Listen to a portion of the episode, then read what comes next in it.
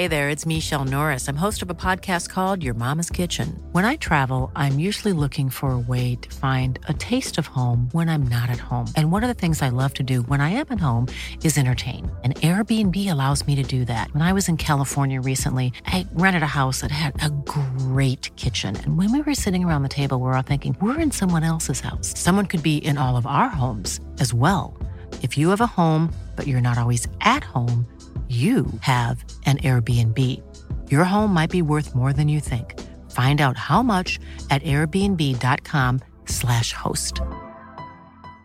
This is Paige, the co-host of Giggly Squad, and I want to tell you about a company that I've been loving, Olive and June. Olive and June gives you everything that you need for a salon quality manicure in one box. And if you break it down, it really comes out to $2 a manicure, which is absolutely insane. It's also so easy to get salon worthy nails at home with Olive and June. The difference between how your nails used to look when you did them yourself and now with the Manny system is a complete game changer. The best thing about Olive and June too is it's a quick dry, dries in about one minute, lasts for five days, and full coverage in up to one to two coats. Visit oliveandjune.com slash perfect Manny 20 for 20% off your first system. That's oliveandjune.com slash perfect Manny 20 for 20% off your first system.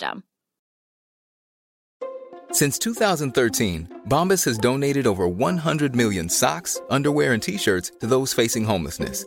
If we counted those on air, this ad would last over 1,157 days. But if we counted the time it takes to make a donation possible, it would take just a few clicks. Because every time you make a purchase, Bombas donates an item to someone who needs it. Go to bombas.com slash ACAST and use code ACAST for 20% off your first purchase. That's bombas.com slash ACAST, code ACAST. Totosvenskan är sponsrade av Simor. Det är vi oerhört glada med. Nu är ju den svenska bollen äntligen igång. Ni ser Discovery Plus sändningar från både allsvenskan och superettan med ert simor abonnemang Så in och skaffa det så missar ni ingenting. Och när det inte är allsvensk fotboll som rullar eller fotboll från superettan som rullar så finns ju även Serie A, La Liga och för all del även Champions League. Och har man ett simor abonnemang så behöver man inte bara titta på massa fotboll. Där finns ju Robinson som är ute och tuffar. Det finns en färsk Beck-film. Det finns jättemycket serier. Det finns precis alla jävla filmer ifrån Beck också, vilket många där ute älskar. Jag är såklart en utav dessa. Så att in och skaffa er ett simor abonnemang Vi från Toto-svenskan säger stort tack till just Simor.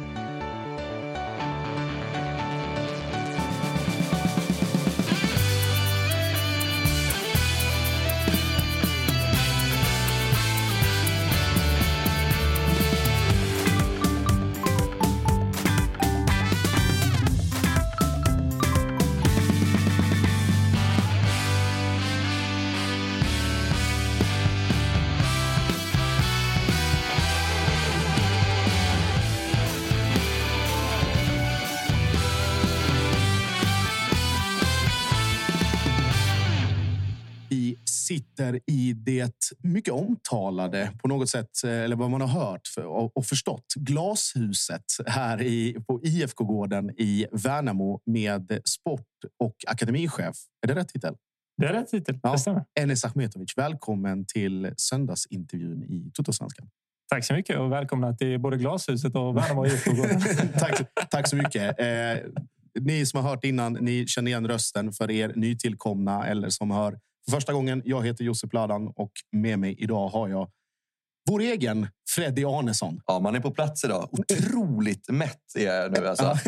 Enes bjöd på Borek här innan, så hade vi varit på Babylon innan och köpt varsin kebabbpizza också. Så man är lite rätt framtung här idag. Ja, det är otroligt starkt. Vi kan ju dra lite som en extra anekdot att vi, eh, när vi var på väg ner så frågade vi faktiskt eh, tuttosvenska bekantingen Kim Hellberg eh, om det fanns något bra tips på någon pizzeria. Och ja, det, det fanns det och det kom, svaret kom inom en 30 sekunder. Men det visade sig också att det var Stockholms inspirerad både kebab och sås. Då gick ju självklart eh, vi eh, sydlänningar i taket och vände oss till the man himself, Enes Ahmetovic, för att kolla läget om den riktiga kebaben. Och då var det både San Marino och Babylon som dök upp. Vi valde Babylon och eh, sedan dess har vi aldrig tittat tillbaka. Eller hur? Vi är otroligt tacksamma för det tipset. Jag tror inte vi hade varit lika nöjda med Kim Hellberg i all ära, men Pizzatips ska ni inte ta av honom. Du är bara messa Enes istället. Han var, han var lite nere som jag sa där i veckan. Men jag, jag tröstar honom med att det är mer trovärdigt att lyssna på en sydlänning när det kommer till kebab. så är det. Så är det. Vi, eh, formatet är precis som alltid. Eh, ni kan det vid det här laget. Eh, Fredrik kommer köra den klassiska Toto-svenskans faktaruta och eh, sen så tar vi vidare helt enkelt därifrån. Så att Freddy, take it away. Vi dyker rakt in då, Enes. Hela ditt namn, inklusive smeknamn och andra namn. Enes Johnny da Silva Ahmetovic. Fan, vad är det där för jävla artistnamn? Johnny da Silva. Så heter jag självklart inte, utan jag heter bara Enes Ahmetovic. Vi, vi på Balkan vi, vi, är så tråkiga på det viset, så jag ville bara se hur ni skulle reagera på det. Jag älskar det. Jag tycker det är någonting du borde jobba in. Johnny da Silva. Jag blev du lite chockad, eller? Jag fattar det, som bara heter det jag heter. Fattar ju också att vi jobbar ju inte enk- alltså så här, flera namn och sånt. Lars, Tommy, Sven, Freddy Jonsson. Liksom. Men eh, nej, nej. Det är, jag, jag köper det. Men Johnny, var da, där. då. Johnny da Silva, det låter som en re, regen på FM. Riktig klass, 20 på allt. Liksom. Ja. Det är nästa akademispelare i IFK Värnamo som kommer in. Sån här stjärnskott. Precis. Eh, Enes, vad har du för CV inom fotboll men också utanför fotbollen? Tänker du som eh, spelare eller i den roll jag har? Spelare, arbete. Ja, men som spelare, väldigt kortfattat, så gick jag hela den här banan här från eh, sjumannaplanerna upp till A-laget. Eh, blev seniorspelare i IFK Värnamo. och Fick vara med på den resan med grabbarna ni såg på väggen där. Tern, Sadiko, Hult eh, och så vidare. Viktor Claesson. När vi tog klivet upp i superettan och så vidare. Så den resan var jag med på. Var en hyfsad fotbollsspelare. Eh, Men var ganska bekväm. Lite Balkan var vi faktiskt.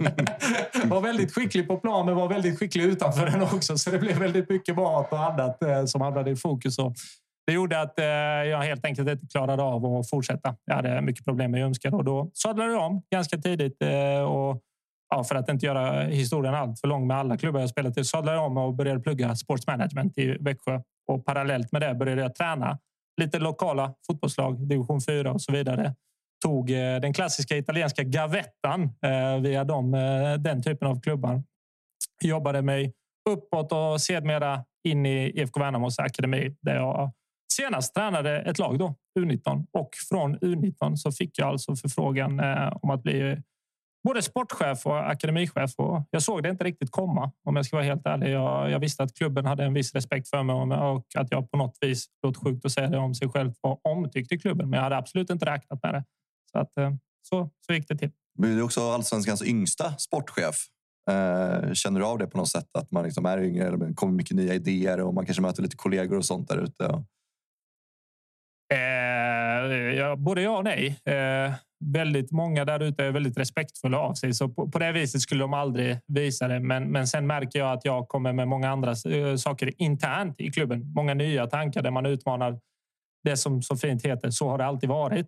Eh, liksom. Så där märker jag verkligen att jag kommer med mycket nya idéer. Jag kommer med en energi som jag brukar få till mig. att du är väldigt energisk och att det är väldigt uppskattat. Liksom. Med det sagt inte att de andra är inte är energiska. Så att, eh, jag tycker att det märks mycket internt när man kommer med många nya idéer. Man får jobba igenom dem snarare än att folk bara i början köpte allt man sa. Numera har man ju byggt upp ett förtroendekapital så nu lyssnar ju folk. Men i början fick man ju jobba för sina idéer liksom för att eh, folk då kanske tänkte att ja, men han är lite ung. Han har kanske inte varit med och upplevt och erfarit vissa saker. Men jag har tyckt att det har fungerat bra hela vägen igenom och jag har fått bra stöttning från alla i klubben och även kollegor i andra klubbar som har varit eh, schyssta och hjälpt till när man har haft frågor och funderingar.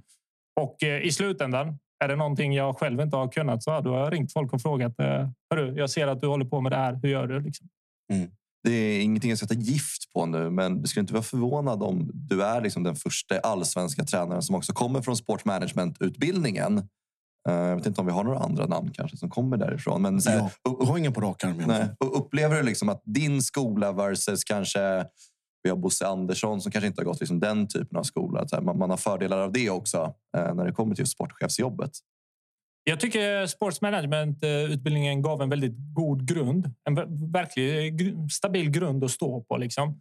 Men eh, sen det jag tycker har gett mig något eh, extra. Eh, nu går de här och promenerar omkring och har sig. spelas in, vi kan berätta för lyssnarna. Det spelas, det spelas in högkvalitativt content i bakgrunden. här. Kalle Nilsson och Ekström och sparkar på en fotboll. Här utanför. Nästan något man ska värva det där. Eh, Nej, men det jag skulle säga, det jag verkligen har tycker jag upplever har gett mig något annat. Det är att jag faktiskt parallellt med att jag var tränare gick eh, med Uefa-utbildningarna och då efter jag hade pluggat. Det var att jag jobbade på ett företag som heter Visma då. Eh, fick en chefsroll där och fick jobba med ledarskap och strategiska grejer inom företagsvärlden, vilket har hjälpt mig enormt i termer av att ha struktur och en klar tanke med hur jag vill strukturera upp organisationer, verksamheter, i det här fallet IFK Värnamo. Så det tycker jag har hjälpt mig väldigt mycket. Eh, sen har utbildningen varit en absolut en jättebra grund att stå Det leder oss in lite på nästa fråga också. Du var inne på det. Eh, var det självklart att du skulle få ett liv inom fotboll eller hade du lite andra planer också vad det hade kunnat bli? Uh, som jag sa innan, jag räknade verkligen inte med att uh, frågan skulle komma. Det var en det var en speciell historia. Uh, jag skulle nämligen. Jag har tre små barn. Så jag har. Och vid det tillfället då jag tränade U19 här så led säsongen mot augusti, september, oktober och jag och min fru Gabriella. Vi skulle få vårt andra barn inom ganska kort tid liksom. Och då kände jag så här att jag har gjort det här i sex år, lite drygt nu. Jag har eh, parallellt med ett ledarskapsjobb och Visma jobbat med fotbollen. Jag har lämnat hemmet vid sju på morgonen, kommit hem åtta på kvällen. Jag har älskat varje sekund av det verkligen. Alltså det har varit skitroligt, eh, rent ut sagt. Men jag kände att eh, fasen, det kommer inte bli ansvarigt eh, mot min fru och låta henne fostra de två helt och hållet liksom, och komma hem alltid så sent. Alltså det, det hade inte känts schysst. Och det, så att eh, jag pratade med min fru och sa att jag älskar det jobbet jag gör på Visma. Eh, det var ett kanonföretag. Jag fick jobba med människor. Jag hade ledarskapsjobb eh, som där jag kände att jag kunde bidra till folket där och där jag själv fick någonting tillbaks av det. Så att jag landade i, tillsammans med Gabriella att Gabriella IFK Värnamo är på väg upp i allsvenskan. Jag ser det här. Eh, liksom, jag är inte dummare än så, men vi var absolut inte klara för allsvenskan, utan jag såg bara att eh, det var på väg att ske. Men jag måste ändå säga upp mig från IFK Värnamo. Så det jag gjorde då och när jag väl gjorde det här så sa jag och Gabriella att det finns tre alternativ IFK Värnamo kan säga när jag kommer och säger att fasen, jag älskar den här föreningen. Jag har varit med här och som pojke tittat på den en gång i tiden när de spelade division 3, så jag ser ju vilket håll det leder åt. Men jag måste låta er planera verksamheten utan mig. Och då fanns det tre alternativ i mitt huvud. Det ena är att de kommer säga att eh, ja, men du Enes, du kunna tänka dig att bli assisterande i A-laget? Det hade ju varit en skitfräsch eh, titel och få en rolig utmaning. Men det hade inte varit ansvarig mot min familj. Dels resemässigt, men också det här i termer av ekonomi. Jag hade det ganska gott ställt, vilket jag är tacksam för på Visma också. Så det var inget alternativ. Det andra var då att det kanske bara blir att, eh, eller bara, det kanske blir att jag får frågan om att eh, bli akademichef. Lite samma sak där. Hade jag varit 24 helt ensamstående, jag hade gjort allt för fotbollen gått ner 15-20 000 om så krävs. Men det känns ju inte ansvarigt när man har köpt ett hus, man har familj, barn och så där. Så det var det andra alternativet. Det tredje alternativet var fasen att ah, tack så mycket, tack för att du var här. Exakt. Tack för din tid. Det, det, det vet ju inte jag liksom, hur, de, hur de ska hantera det. Men eh, när jag pratade med Håkan Söderberg som var dåvarande sportchef så satt vi på Finnvedsvallen under en u match där och jag berättade det här och han säger liksom. Men är som eh, fotbollen skulle bli ditt jobb på heltid? Jag kände eh, det försökte jag leka lite svår så här, för jag såg ju fortfarande de tre alternativen. Ja, vi, vi får väl prata om det Håkan. så då, och då säger han Ja, men jag har, i, I samma samtal säger han alltså. Ja, men jag har nämligen tänkt dig en eh, roll där du är både sportchef och akademichef. Och där liksom bara vändes allt upp och ner. Så jag bara kände shit, det här är, det här är ju riktigt bra. Det här är vad jag faktiskt har jobbat för eh, väldigt länge. Så att det var bara att ringa frugan eh, i bilen, för jag pendlade från Värnamo till Växjö och säga att det ändrade planer helt enkelt. Det blir 60-10 nu. det blev, så blev det, men det är i alla fall en arbetsgivare och den arbetsgivare jag tycker väldigt mycket om, precis som jag gjorde om min förra. Då. Ja. Snyggt. Fortsätter vi här med frågorna. Då. Eh, vart kommer du ifrån? Född i Bosnien, i en uh, liten stad som heter Zvornik vid, ja, i östra Bosnien, gränsen till Serbien. Eh, där. Så därifrån kommer jag, där är jag född. Men jag kom till Sverige under de här tråkigheterna på Balkan 94 och då landade man i Kristianstad. Inte allt långt från eh, Sölvesborg. Mm. Precis, precis. Mycket fint ställe och sen blev det ganska snabbt eh, Värnamo då. Eh, mycket industrier och så vidare här och föräldrarna kunde få jobb. Så när jag var åtta ungefär så så flyttade vi till Värnamo och det var en rätt rolig story. Nörd som man var redan på den tiden så satt man och kollade på text-tv hela tiden eh, och text-tv-tabeller då givetvis. Och Kristianstad låg ju. Det fanns ju inte superettan på den tiden utan det var den här ettan och Kristianstad låg där. Värnamo låg näst sist i division 2. Jag sa det till farsan. Fan heller farsan, vi flyttar inte dit. Men så flyttade vi dit och farsan tog med mig på division 3 matcherna. Ofta i halvtid. Det var gratis då. Exakt, det var, det, det var precis det jag skulle säga. För att det, där, det där är också typiskt juggefarsor. Bara, om, om man inte anser att kvaliteten håller, men man inte kan slita sig, då går man i halvtid. Det är 100 procent så. Exakt. Men, men fan vad det har fostrat, ursäkta språket, det har fostrat en riktigt mycket. Alltså, även när jag var U19-tränare eller vad jag än var i IFK Värnamo innan jag blev sportchef, nu är jag ju sportchef, så sitter det fortfarande i ryggmärgen som när man var den där grabben. Alltså. När IFK Värnamo gör mål, då är det jävla veven för det glatta livet som gäller. Och det bara kommer naturligt. Liksom. Har du styrt säsongsplåt nu till farsan så han får gå?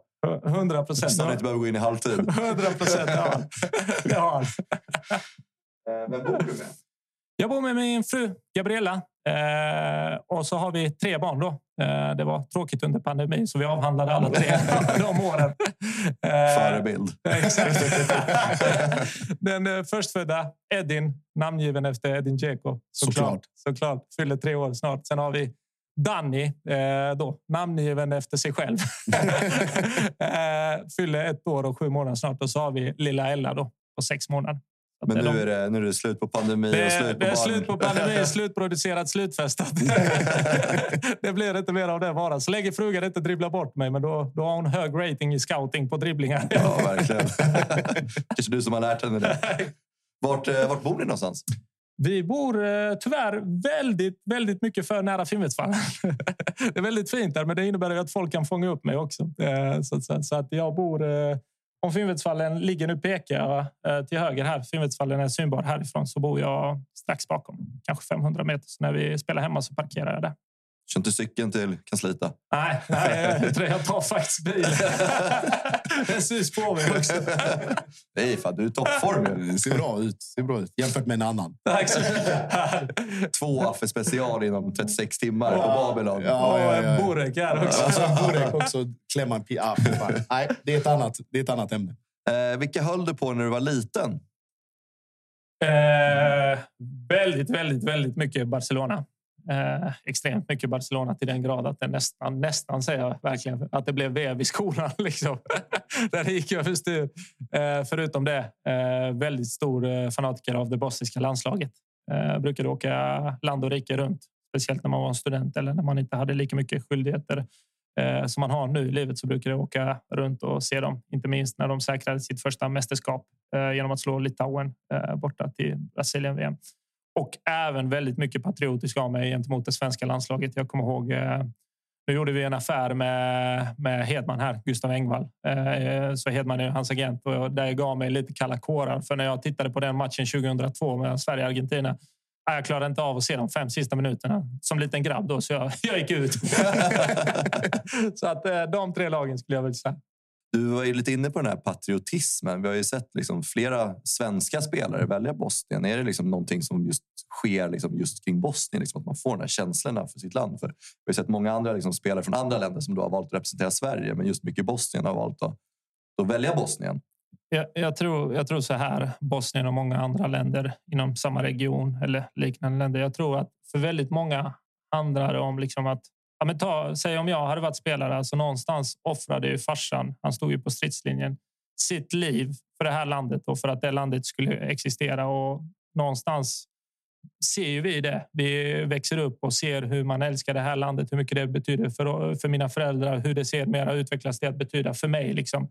Man kommer hem, man möter sina egna eh, på semestern och jag betraktar alla svenskar och Sverige som väldigt mycket mina egna. Men det känns väldigt speciellt att komma ner dit och träffa släktingar, alla som pratar samma språk, alla är väldigt välkomnande och, och hela den biten. Så att eh, det här med att eh, så mycket har offrats för att landet ska existera, det tror jag bygger en oerhört stor patriotism och det är det som jag tror att gör många väljare, även om Sverige är klart bättre fotbollslag. För det är bara faktabaserat. Sverige går ju nästan till varje mästerskap. Så att hade jag stått som fotbollsspelare så hade jag sett att Sverige är mycket bättre fotbollslag. Men så finns det här andra också. Jag tror inte någon väljer Bosnien för att vi nödvändigtvis är bättre, utan jag tror det är det andra. Tror du att det har att göra med... Nu är jag biased i frågan, så jag förstår ju precis var, var det här kommer ifrån och liksom resonemangen och alla de grejerna. Men tror du också att det kan ha att göra med en viss typ av att man uppskattar en viss typ av spelstil i våra länder jämfört med, med här. Att det är vissa egenskaper som sticker fram eller som premieras i, jämför, alltså i båda länderna. Jo, men det, det, det finns säkert någonting i det. Eh, och sen tror jag också att någonstans här, här hemma i Sverige har vi byggt en, eh, liksom, någon form av epitet eller standard om att du kommer inte in i landslaget förrän du är 23, 24, 25 år. Liksom. Eh, och att det är väldigt svårt att komma in för att här bygger man dumt att säga bygger ett lag, men här är det väldigt mycket ett lag och det är svårt för nästa spelare att komma in. För man plockar gärna inte bort någon som har varit med. Mm. I Bosnien är det rena rama Hawaii på gott och ont. Liksom. ja, ja. Där, där, kan du komma in. Liksom. Där skulle mycket möjligt ja, våra spelare kommer kunna komma med. Grozdanic eller Zelkovic eller vem som helst. Liksom, bara de gör några fina prestationer. Känslan är att de inte kommer med i det svenska landslaget oavsett eh, mm. vad de skulle göra. Vi, innan, vi, innan vi släpper ämnet. Jag tänker på nu med, liksom med Anel, mm. Ahmed Hodzic och alla hans liksom, framgångar och Premier League-spel nu med Sheffield. Och Gud vet om han är kvar eller var han hamnar. Dennis Hadzikadunic som hade en supersäsong i Malmö. Liksom gick till Ryssland tidigt. Nu är han i Mallorca. Adi Nalic för den delen. Liksom, tre allsvenska spelare inom i, i, relativt samma ålder inom närtid i samma landslag. Liksom. Vad tror du det kan få för, för effekter på både kort och lång sikt? Liksom, att, kan det inspirera folk att gå liknande banor själva? Eller, kan, eller, eller, eller och kan det vara så liksom att det går åt andra hållet också? Att folk, både på förbundet men också liksom spelarna själva, lägger ännu mer vikt vid ett sånt beslut liksom, när det väl kommer. Jag tror så här. Det kan absolut göra att fler väljer exempelvis Bosnien, så som grabben i Roma där. Eh, ja, Tahirovic. Eh, han valde Roma också, så att eh, det kan säkert bidra till det att de här grabbarna väljer. Sen kan det också slå åt andra hållet, för vi ska komma ihåg att hur mycket jag än älskar den här nationen och fotbollen och landslaget och så där, så är vi väldigt oprofessionella. Vilket eh, kan innebära att folk tröttnar på det ganska snabbt och börjar sprida det ryktet istället. Då, mm. Som gör att andra är mer försiktiga att välja det. Eh, jag tror att ännu fler hade valt eh, oss, höll jag på att säga. Oss är för mig båda i mm. den här diskussionen. Men jag tror ännu fler hade valt Bosnien om det hade varit bättre uppstyrt, mer strukturerat. Man hade fått till sig att det fungerar lite ja, vilda västern-aktigt. Mm. Snyggt. Eh, det blir en lång faktaruta idag. 20 minuter in här. Eh, om du ska bjuda Gabriella på en dejt där hemma, eh, vad lagar du då? Har du någon paradrätt som du drar ihop? Eller blir det Borek från morsan? Nej, jag lagade jag lagade en gång i tiden. Jag hade en paradrätt och jag var kung på det. Inte mycket annat jag är kung på, men tikka masala levererade jag som bara den när jag bodde på campus i Växjö. Jag vet inte varför det blev det, men det var väldigt lättlagat. Det var väldigt gott. Liksom. Så att, eh, det hade jag nog lagat. Kör den här färdigmixen då? Eller blandar du. Ja, gör det. Så bra kock är jag inte, men eh, jag försökte i alla fall. Förvånad här. Jag ska inte ifrågasätta din matlagningskunskaper, men en tikka masala är jävligt svår att dra ihop. har jag känslan av. Du ifrågasätter den i så fall med all rätt. sen jag träffade Gabriella så har hon bara tagit tag i det där. Visat att eh, hörru, jag är bättre än vad du är på det här och jag är fine med det. Superlugnt. Fan, det låter ändå mysigt. Fredagsdejten där med chicken tikka masala hemma uh, Enes, vad kör du för bil? Uh, Volkswagen Tiguan. Den var Josip snabb på också när vi gled in här. Där är, där är Enes bil. Skannade parkeringen. Jag bara, vänta nu. Sportchef, Jugge, eh, Värnamo ändå lite ödmjukt, men ändå okej, okay, okay, Volkswagen garanti. jag har också en, eh, Jag har aldrig varit eh, särskilt bra på bilar och så där, men jag har också en äh, gammal Skoda. Äh, morsan och farsan köpte det. Luktar rök där inne, så det är någon som har suttit där inne och bolbat. Så jag har även en riktig juggebil. Så ibland glider jag runt med den och då får jag ganska snabbt kommentarer. Hörru, du är sportchef. Du kan inte köra runt i det där. Jo, men den passar men det, är, det är ju perfekt när man tänker efter. Det är vad heter det, Tiguanen när man har vunnit och Skoda när man har torskat. Man ska vara anonym. Bara glida runt. Liksom. Snabbt upp med luvan. Då måste man själv börja jobba hemma. känner, du, ö, känner du över eller under den allsvenska snittlönen som är ungefär runt 100 000? Klart över. jag är duktigt under den, eh, vill jag lova. Eh, det är rätt roligt faktiskt. Jag, man, man lyssnar ju, man hör ju. Och, Eh, i, diverse podcaster. Vi har ju blivit uppmålade på något vis som att eh, Bengt Liljedahl var ju med på en tv-intervju här en gång. Sanslös klassintervju. Vilken snubbe! Liksom. Topp! Eh, men där någonstans har vi blivit uppmålade om att ja, men fasen, vi blåser in så mycket pengar och vi skickar in pengar hej vilt och jag kan för mig själv inte förstå det. Vi har gjort absolut, vi har gjort en, två värvningar liksom som har kostat lite pengar. Men tittar man på vår omsättning och i de eh, summorna så, så ingår ju oavsett om det är Bengt Liljedahl eller om det är någon annan som går in liksom, så ingår ju de pengarna där. Alltså det är 51 miljoner eh, förra året och jag lyssnade på exempelvis Värners avsnitt här. Alltså Degerfors, en klubb som vi jämför oss med. Så det var ju 20 millar plus eh, där jämfört med oss. Liksom. Så det har blivit lite skevt det där, det tycker jag verkligen. Och jag kan säga att varken jag eller någon IFK Värnamo-spelare genom historien har på något sätt skjutsat upp den där siffran. Och jag har ju hört att eh, ni har ju sett att jag har varit ute och svingat Och det måste jag göra för, för min eh, kredibilitet. För nästa gång ska jag sitta med, med Freddy Winst och förhandla avtal. Och, och jag lever efter devisen att jag ska kunna tappa lönelistan här på bordet framför er. Och jag ska kunna argumentera för att men det här har jag gjort av den och den anledningen och kunna stå för det. Och när någon går ut och blåser att han har fått 200 000 i värde på allsvenskans största kontrakt. Ja, då, då går jag ut och bredder för att någonstans bedömer ju folk mitt arbete och så där. Och det ingår i fotbollen. Men eh, säg att ni är journalister. Då, ja, men då ingår ju mitt arbete att bedöma hur trovärdiga ni är eh, i de uppgifterna. Och någon gång har det verkligen varit så här ah, helt offside och då har jag känt toppsnubbar. Alltså jag har inget emot de här som skriver, verkligen toppsnubbar. Men jag måste för klubbens bästa gå ut och men det är faktiskt inte sant. Liksom. Så att, eh, jag bara skickar in den på temat. Rätt. För, ja, för kontext, det handlar alltså om uppgifter om att Marcus Antonsson skulle lyfta 200 lakan i Värnamo. Eh, och, här... och Gustav Engman med. var, man bytte bara namn. Och, och, så frågar ni vad jag sitter på för lön. Pengarna är slut. Här. Ja, men du var ju tvungen att pröjsa Gustav Engvall. Då förstår fan alla andra går ner lite.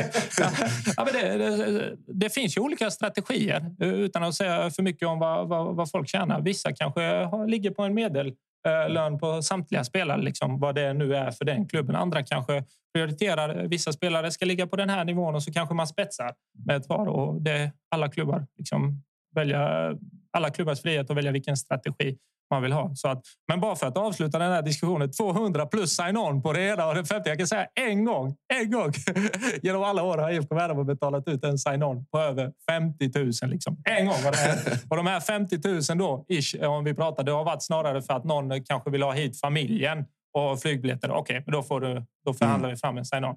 Så jag var väldigt transparent här. Det uppskattas. Vem var det? Så transparent är jag eh, Vi kommer komma tillbaka lite på det som du var inne på. Vi ska bränna av faktarutan här innan vi går djupare in i samtalet. Eh, vilket lag tycker du är skönast att slå? I allsvenskan, kan också vara i superettan? Och... Skönast att slå är de man slår i 90 minuten. eh, och vad jag vet i år så har vi inte slagit... Eh, jo, i det här fallet blir det Göteborg. Eh, mm. då, utan att jag har någonting emot Göteborg. Men det blir så fruktansvärt skönt eh, när man vinner så där. Otur att det är Marcus Berg som gör det, för det är tungt för en idrottsman. Liksom, nu, nu löser han det. Men när man vinner på ett sånt sätt, liksom man har räknat hem, okej, okay, det blir en pinne här och så går bollen in och man vinner en premiär i allsvenskan. Det, det blir toppklass. Lika mycket som Förra året hade vi några sådana, inte minst mot Helsingborg då när Antonsson fullbordade sitt hattrick och avgör i 95. Då löpte jag amok på löparbanan. Det var full, full Mourinho. Ja, det var 150 meter. Det finns ju på Spideon. Och bara veva till den grad att han SEF-snubben där som kollar om folk har brickor på sig. Jag fick visa. Där är det. Som en supporter. uh, Enes, vad gör du när du inte spelar, eller spelar när du inte jobbar kring fotbollen? Menar det blir, inte, det blir inte så många tillfällen när man inte jobbar eh, kring fotbollen. För, eh, även eh, när man är ledig så lägger man sig i soffan eh, med kidsen och försöker se de andra allsvenska lagen. Och så där. Men när jag inte gör något som är fotbollsrelaterat, då tar jag första bästa tillfälle att eh, umgås med mina barn. Eh, och med min fru. Det är så jäkla roligt att umgås med kidsen. Alltså det, det händer nya grejer varje dag och högt och lågt. Alltså, dels utvecklas de på ett väldigt positivt sätt. Dels kan det komma någon balkasalva som jag absolut inte hade räknat med. Så att, eh, det är fantastiskt. Och eh, jag blir nästan lite löjligt känslig, men varje kväll lägger jag mig och tänker fasen vad bra jag har det i livet. För jag sover med mina två grabbar. Ja, det är helt otroligt. Det är vad jag gör. Brukar de vara nere och kika när ni har hemmamatcher också, hela familjen? Är de på plats då? Absolut. Förra, förra året drev jag en sån grej med frugan att du måste ta dem till arenan. För att det var som vidskeplighet fram tills de hade varit Kalmar i höst där. Om de så hade varit eh, på arenan i två, tre minuter så hade inte vi torskat.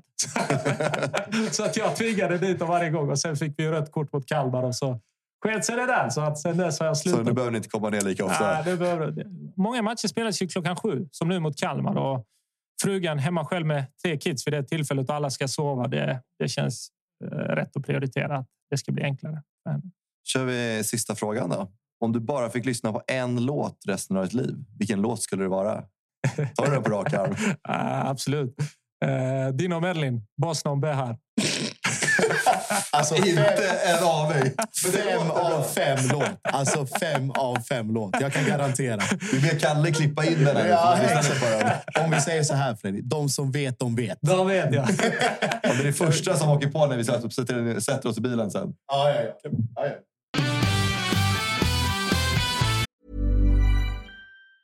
If you thought the only way to get a more defined jawline with natural looking results was through surgery, think again. Juvederm Volux XC is a non surgical injectable gel filler that improves moderate to severe loss of jawline definition and can help you achieve natural looking results with little downtime. Even better, this improved definition lasts up to one year with optimal treatment. No maintenance required. Improve jawline definition for a smooth, sculpted look with Juvederm Volux XC. For important safety information and to find a licensed specialist, visit juvederm.com. That's J U V E D E R M.com. Not for people with severe allergic reactions, allergies to lidocaine, or the proteins used in Juvederm. Common side effects include injection site redness, swelling, pain, tenderness, firmness, lumps, bumps, bruising, discoloration, or itching. There's a risk of unintentional injection into a blood vessel, which can cause vision abnormalities, blindness, stroke, temporary scabs, or scarring. Talk to a licensed specialist specialist to find out if it's right for you. Hey there, it's Michelle Norris. I'm host of a podcast called Your Mama's Kitchen. When I travel, I'm usually looking for a way to find a taste of home when I'm not at home. And one of the things I love to do when I am at home is entertain. And Airbnb allows me to do that. When I was in California recently, I rented a house that had a great kitchen. And when we were sitting around the table, we were all thinking, we're in someone else's house. Someone could be in all of our homes as well. If you have a home, but you're not always at home, you have an Airbnb. Your home might be worth more than you think. Find out how much at airbnb.com/slash host. Since 2013, Bombas has donated over 100 million socks, underwear, and t-shirts to those facing homelessness. If we counted those on air, this ad would last over 1,157 days. But if we counted the time it takes to make a donation possible, it would take just a few clicks. Because every time you make a purchase, Bombas donates an item to someone who needs it. Go to bombas.com slash ACAST and use code ACAST for 20% off your first purchase. That's bombas.com slash ACAST, code ACAST. Bra. Faktarutan avklarad. Då går vi in på det lite mer, den djupare delen av, eh, av samtalet. Eh, om vi går tillbaka till din karriär som, som spelare. Du berättade du var, du var ungefär division 1, division 2, superettan. Var det den nivån som du, du höll? Absolut, eh, stämmer. Jag, ja. Som sagt var, jag gick ju hela akademispåret här upp till A-laget och var med i A-laget ett par säsonger. 2009 eh, så startade jag 12 matcher. Eh, jag gjorde åtta baljor eh, som anfallare och det får man ju ändå säga någonstans eh, så här, om man får säga det själv. Det är helt okej okay, faktiskt. Mm. Alltså hade jag sett en 18-årig grabb när jag tittar på spelare som, med den statistiken så hade jag känt att fasen, det där är någonting att hålla ögonen på. Så jag hade ju någonting. Men sen som sagt, eh, jag är inte på det sättet jag var då. Jag var verkligen mer så här att jag var jättesmart fotbollsspelare. Skicklig tekniskt och så vidare. Hade kanske inte världens speed och så vidare, men en helt okej okay fotbollsspelare. Men jag var verkligen så här man gör inte mer än vad man behöver stuket. Det var lite häftigt att vara så när man var ungdom. Lite häftigt och dumt, om jag får säga det nu. Numera är det så där att ge det inte in i det om du inte ska ge det hela ditt hjärta i det. Liksom. Så att, eh, det var väl någonstans det som tog udden av min mm. karriär. Jag, jag var med A-laget eh, även säsongen 2010, eh, men då hade vi en viss Mohamed Bangura och vi spelade ett klassiskt 4-3-3, så det var bara att sätta sig där borta och glo. Liksom. eh, gjorde avgjorde faktiskt eh, nästan hela serien. Brukar, just Jonas Nern brukar ju påpeka det. Att, eh, med, det var det enda jag gjorde, i ska tilläggas. så att inte folk tror jag skryter om det här. Vi hade, eh, jag tror det var andra eller tredje matchen från slutet möter vi Rosengård borta. Ligger under 1-0 och jag kommer in. Eh, vi låg två i tabellen bakom Kviding. Kommer in i underläge i matchminut 60, kommer in och du vet, så här klassiskt ungdomligt. Att nu kör vi grabbar, nu vänder vi det här. Så det är sånt man bara säger liksom, för att pumpa in. Då kom, jag kommer ihåg Kelechi, hette han, en uh, mittfältare, nigeriansk där i Rosengård, kommer fram med fingret. No, no, no, no. You're never gonna score.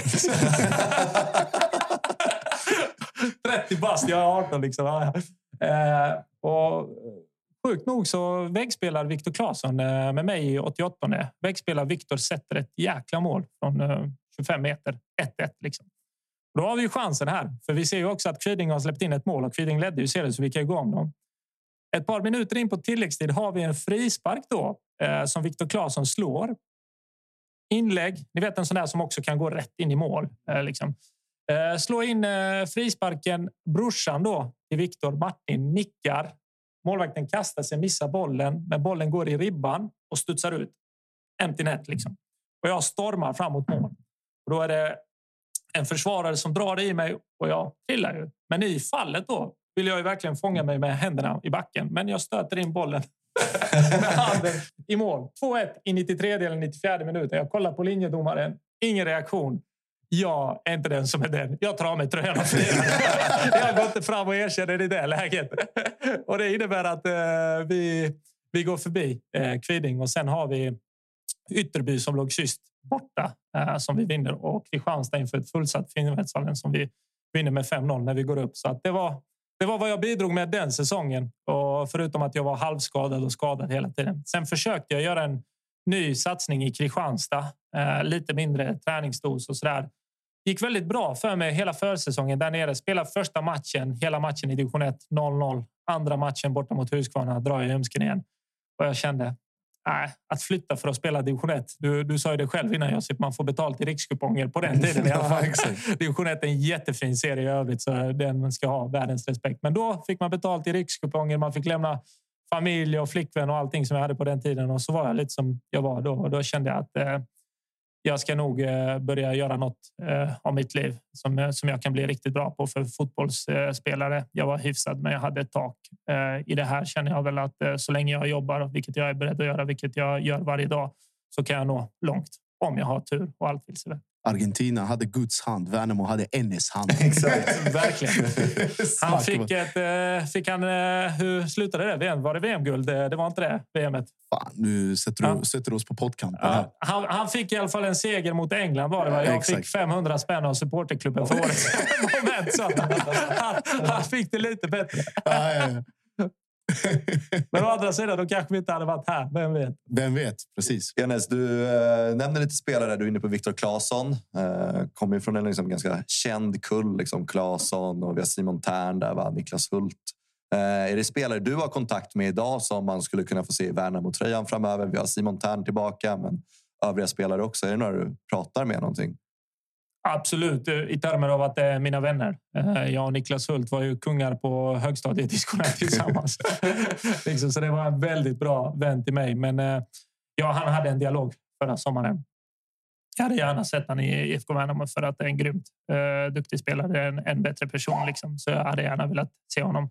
Men sen är det så här att en spelare är inte bara en spelare utan det är familjen, det är frun, det är barnen och så där. De måste också få säga sitt. Och han har trivts bra i Elfsborg tidigare. Frugan är vad jag uppfattar från Borås. Det var ganska logiskt att han skulle hamna där. Viktor Claesson har man en kontakt eh, med lite då och då. Om jag fick eh, betta med livet som insats så hade jag väl sagt eh, att han kommer spela i Värnamo någon gång. Frågan är bara där. Och han är Köpenhamnsspelare nu så jag kan inte uttala mig om det när det kommer bli. Men jag är verkligen övertygad och framförallt så hoppas jag verkligen att han kommer spela i IFK Värnamo jag tror att han kommer göra det.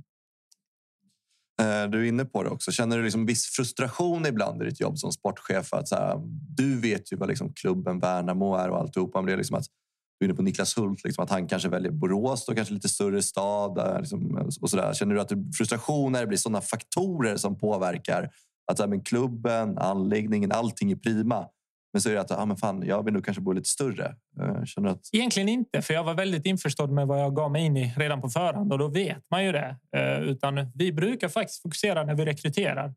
Eh, då tar jag alltid ett möte med, med spelaren och agenten själv då och pratar om allt mellan himmel och jord i ibland en, ibland två, ibland tre timmar där väldigt mycket fokus är på människan och vad vi har i Värnamo. Och då pratar jag om vår historia, vår resa, vår identitet, vårt sätt att spela fotboll på och varför vi håller på eh, som vi gör. Men sen kommer jag in på lite det här vi pratade om innan eh, vi satte oss här. Att vi har fotbollen. Vi är ett riktigt duktigt fotbollslag. Vi är ett lag som där folk mår bra, där folk kan utvecklas, både spelare och tränare. Men det vi inte har, det är faciliteterna.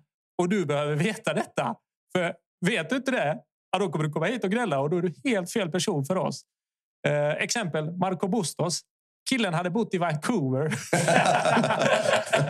det låter som en biografi från Vancouver till Värnamo. Från Vancouver till Värnamo. Och där föreställer om vi inte hade varit transparenta och berättat allt. Killen hade kommit hit och fått en chock. Istället kommer han hit och säger Fast det var bättre än vad jag trodde. liksom. Så att, eh, ja, det handlar om att vara ärlig och det och kunna locka med det vi kan locka med. Och det är fotbollen. Vi står för någonting som, som vi, vi tror på och som vi är stolta över och som förhoppningsvis även folket eh, runt föreningen i stan är stolta över. Mm. När vi ändå är inne på, på just faciliteter och så där. Det har ju blivit i alla fall i bredare kretsar omtalat om den här nya arenan med det fantastiska arbetsnamnet eh, Ladan eller Ladan om man vill kalla det det. Men eh, just liksom att det blir den satsningen och att det blir den effekten. Och jag förstår att det kommer spilla ner i andra delar av verksamheten också när man har den på plats. Men känner, så här, är det bara de sportsliga prestationerna som IFK Värnamo har gjort på de senare åren som ligger till grund för det? Eller är det liksom har kommunen och regionen och liksom bygden i sig? För att vi är i en, det ska man också veta. Vi är en väldigt speciell bygd med en väldigt speciell anda av entreprenörskap, företagsamhet, att man bryr sig om, man hjälper sig själv och andra eh, liksom att titta uppåt och framåt. Är det bara den sportsliga eh, framgången som har gjort det? Eller är det liksom det är ingen slump att Värnamo gör just det Värnamo gör, om du förstår frågan. Alltså så här, hade vi inte varit där vi är sportsligt nu så, så hade det nog inte kommit nu. Eh, sen tror jag att den förr eller senare ändå hade behövt komma.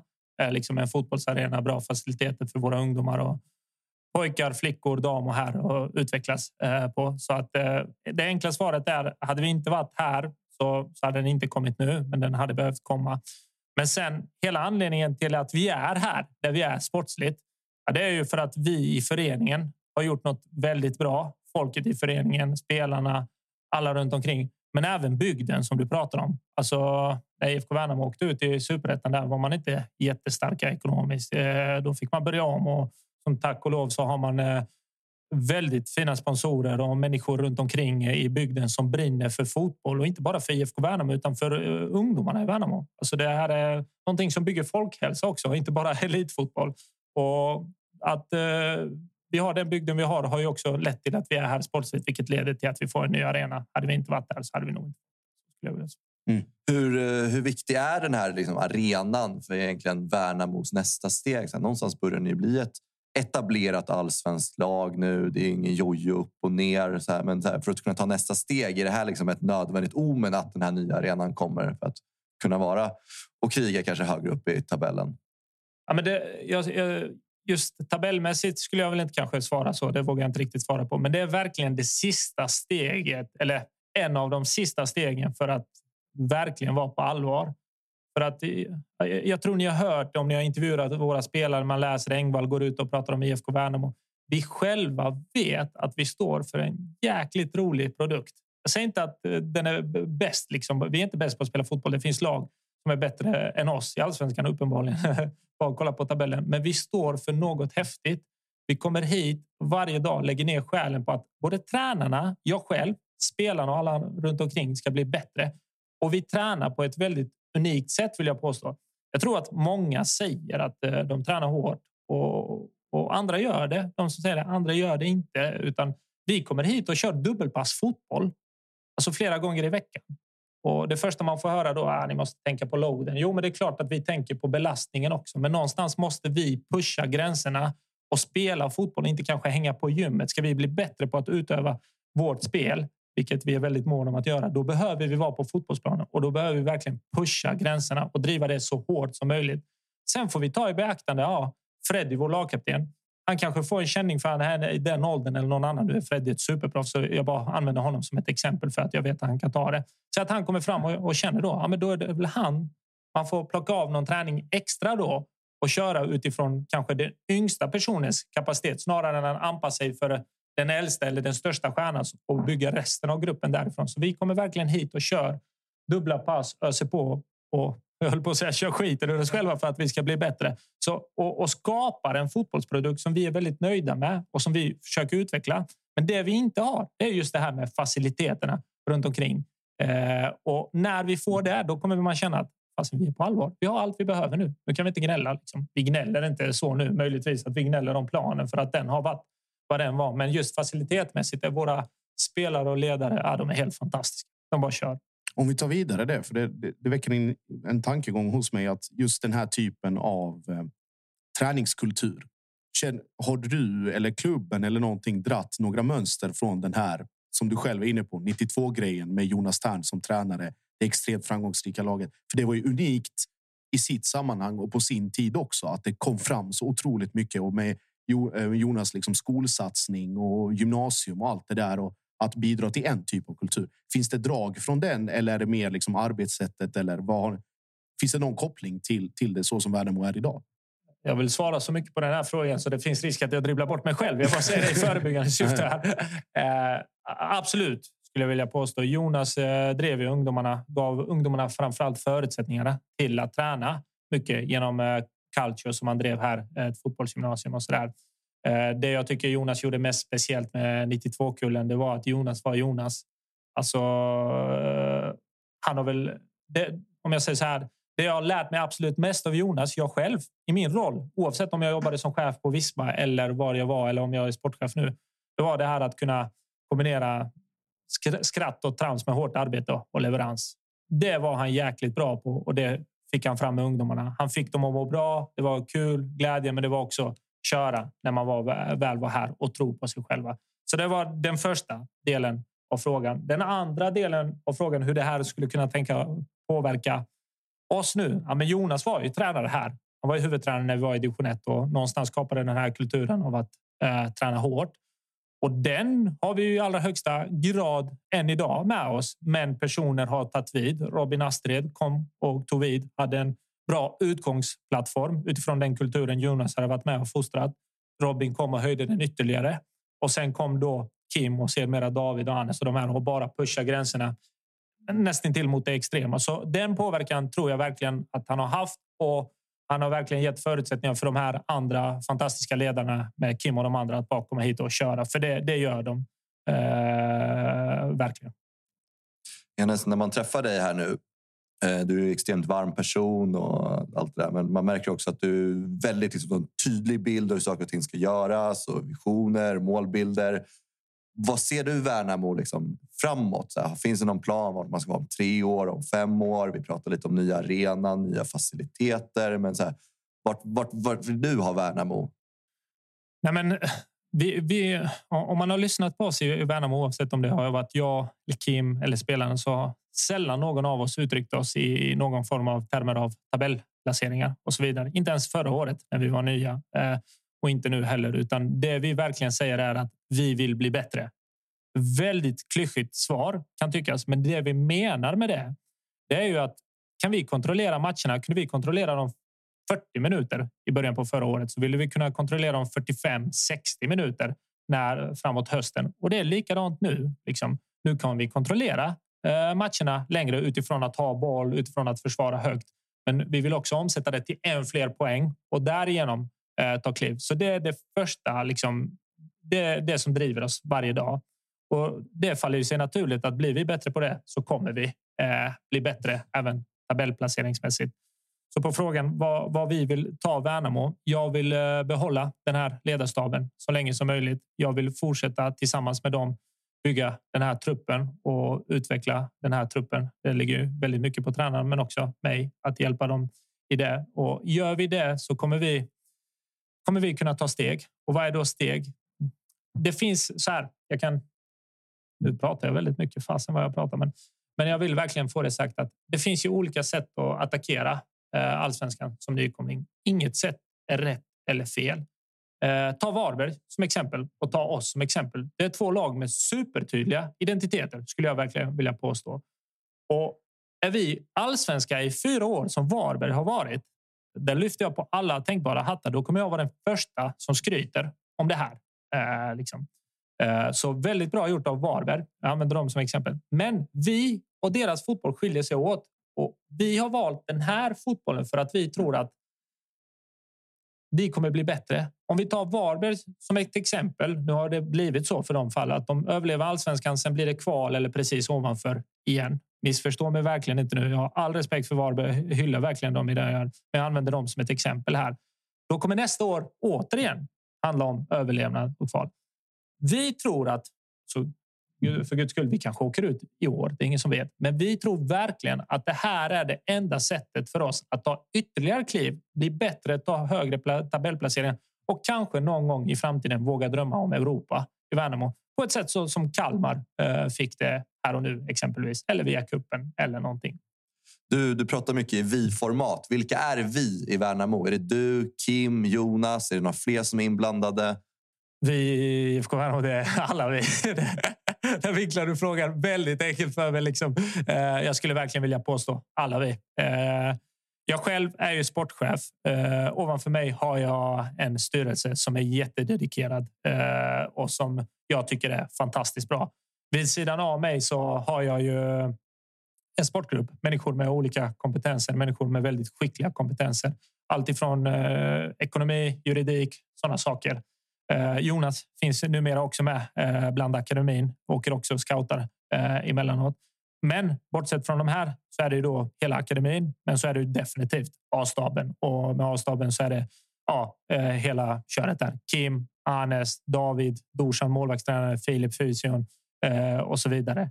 Toppkillar, hela, hela, hela gruppen. De får verkligen mig så här. Innan jag träffade dem så kände jag fasen, det finns. Eh, jag vet inte hur jag ska förklara det här. Jag var alltid orolig för att eh, är det jag som är överdriven? Måste man jobba så här mycket som, som jag själv? Nu låter det som att jag skryter om mig själv. Det gör jag inte för jag kommer till det. De här grabbarna jobbar ju nästan mer än mig. Eller så jobbar de mer. De driver ju också mig och vi har verkligen skapat en miljö där vi driver varandra på ett hälsosamt sätt. Det är väl ingen hets av att ah, jag jobbar mer än du. Det, är inte det löjliga snacket jag pratar om. Utan verkligen, vi har format en miljö där vi tycker det är roligt att vara tillsammans. För våran skull, för grabbarnas skull för föreningens skull. Och det ger ju att vi älskar att vara här. Vi brinner för varenda liten detalj, oavsett om det är jag i min sportchefsyrke eller tränarna. Och det smittas av till spelarna. Man kan lyssna på. Jag tror att skulle du intervjua Oskar Johansson hux flux så tror jag att du kan höra Oskar säga Kims ord eh, rent taktiskt. Till och med mina ord i vissa fall när vi pratar om det här med vad vi ska landa framåt. Eh, så mycket tror jag det smittar av sig. Eh, vi, vi ser ju liksom lite olika organisationer i allsvenskan. Vi kanske har ett exempel i AIK liksom, där Brännström tydlig tränare liksom, och man har en sportchef som köper in spelarna. Hur jobbar du och Kim där? Så här, får Kim också vara med och påverka vilka spelare ska in? Eller hur, jobb, alltså, hur ser den fördelningen ut mellan er två? Jag tycker att jag och Kim har ett, eh, och jag tror att han kommer svara på samma sak, grymt samarbete. För mig hade det så här, vi behöver backa lite bakom Kim också. Vi har ju tack och lov en tydlig identitet. Så skulle Kim lämna eh, IFK Värnamo i framtiden så kommer inte vi byta tränare och börja spela på ett helt annat sätt. Utan vi kommer ju rekrytera tränare efter något liknande utifrån våra principer i spelet och vårt arbetssätt som numera Kim har varit med och byggt upp bland annat. Så att för mig vore det jättedumt att inte använda Kim. Dels för att det är en väldigt klok fotbollsperson, men dels vore det precis hjärndött för mig att kasta pengar på en spelare som inte Kim tycker om och som han inte kommer sätta på planen. Eh, så, så att eh, det hade varit jättedumt tycker jag. Så att jag, som jag sa, jag tar alltid ett möte med spelaren och agenten. Eh, därefter så tar jag alltid med mig Kim, David Cellini till möte nummer två där de går igenom arbetssättet, var vi ser spelaren. Det har jag redan liksom på något sätt på grundnivå förklarat för spelarna. men där de i detalj. Så här tänker vi kring dig i vårt arbetssätt.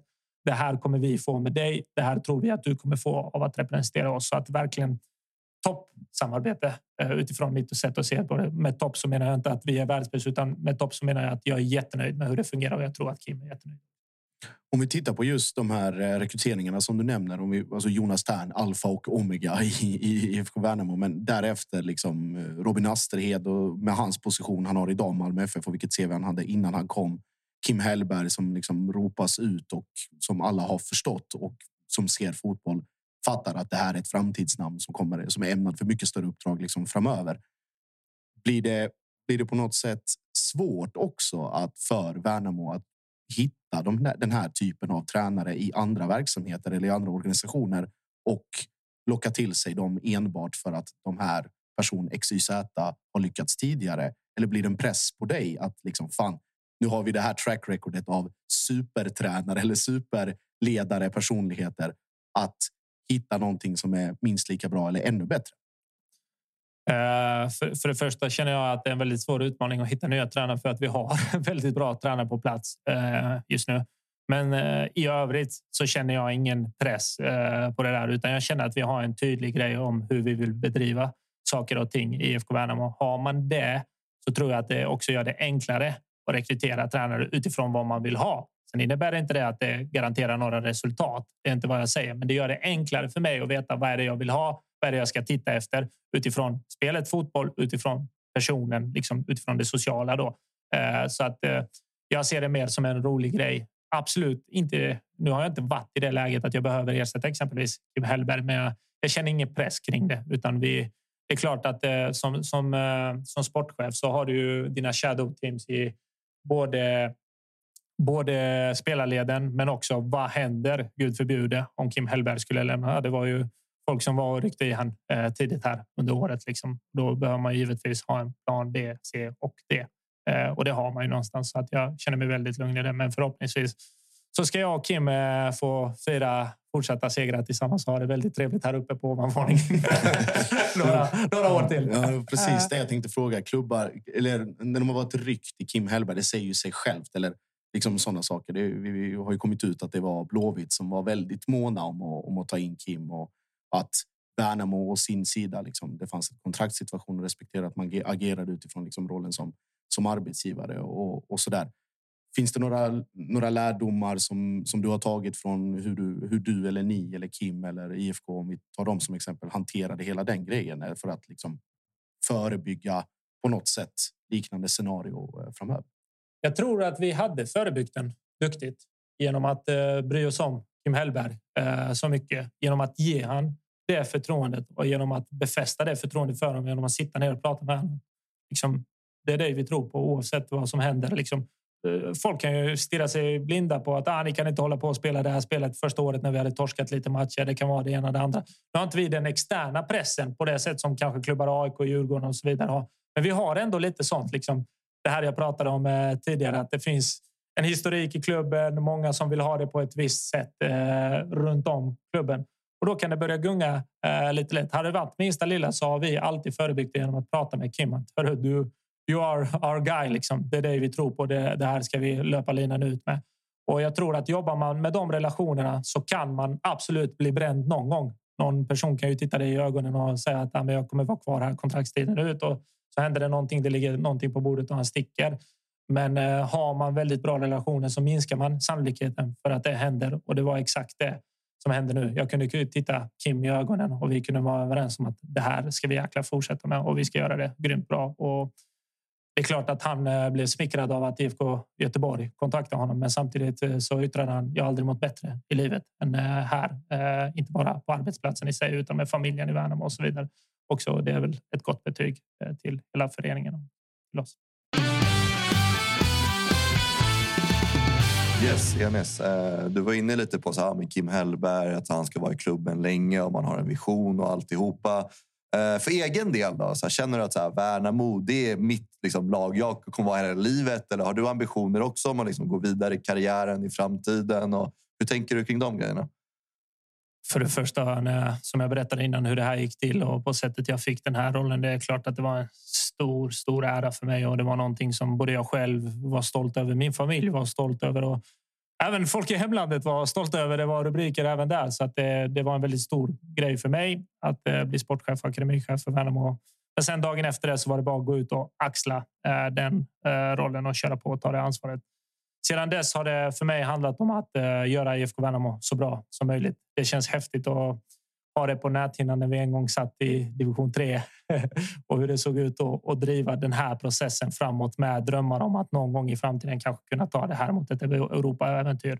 Så att jag kommer ge mitt allt eh, för IFK Värnamo så länge jag bara kan och så länge jag orkar och, och så länge klubben någonstans vill ha mig här med. Eh, liksom. Men sen vet man aldrig vad som händer i framtiden. Jag, man jobbar ganska mycket i det här jobbet. Det är ingen hemlighet. Jag gör det gärna. Jag älskar det, så jag ser det inte som minsta lilla gnäll, utan man jobbar eh, ganska mycket. Och jag trivdes bra även i andra uppdrag jag hade eh, på företag. Jag hade toppföretag. Jag älskade att jobba där. Så att, eh, vi, vi, får väl se vad som händer i framtiden. Jag kommer att göra det här, men att både vara sportchef och akademichef så som jag har varit. Det kommer ju såklart bli tungt över tid, så där kommer det behövas till en förändring och det vet jag att klubben redan Eh, vill göra för mig. Men för att svara på din fråga i ett bredare spektra, liksom att min dröm någonstans är att se fotbollen genom världen eh, och det drömmer jag väl om att göra på något vis genom det här också.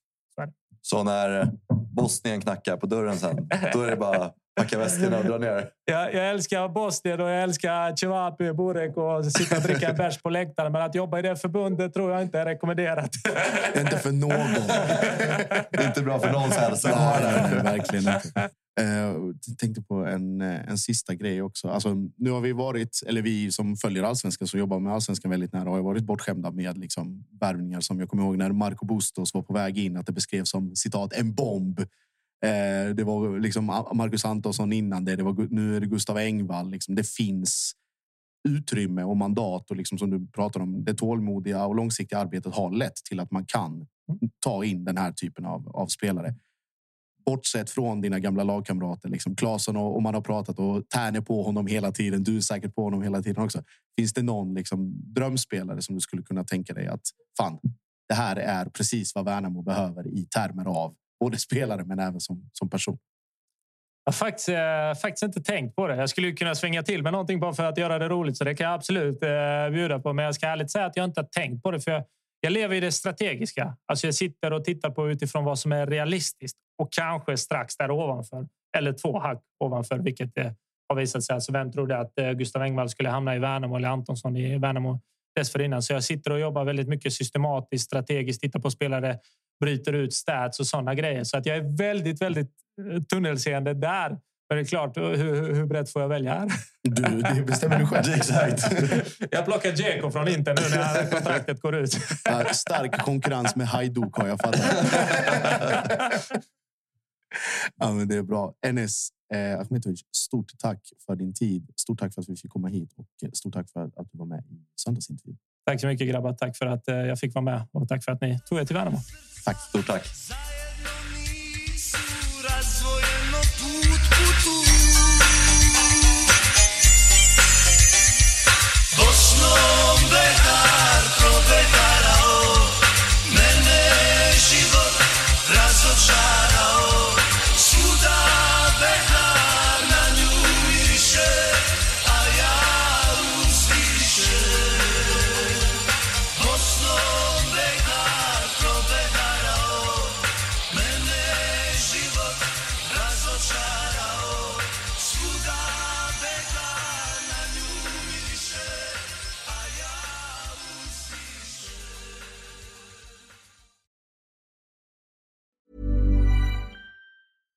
Hi, I'm Daniel, founder of Pretty Litter. Cats and cat owners deserve better than any old-fashioned litter. That's why I teamed up with scientists and veterinarians to create Pretty Litter. Its innovative crystal formula has superior odor control and weighs up to 80% less than clay litter.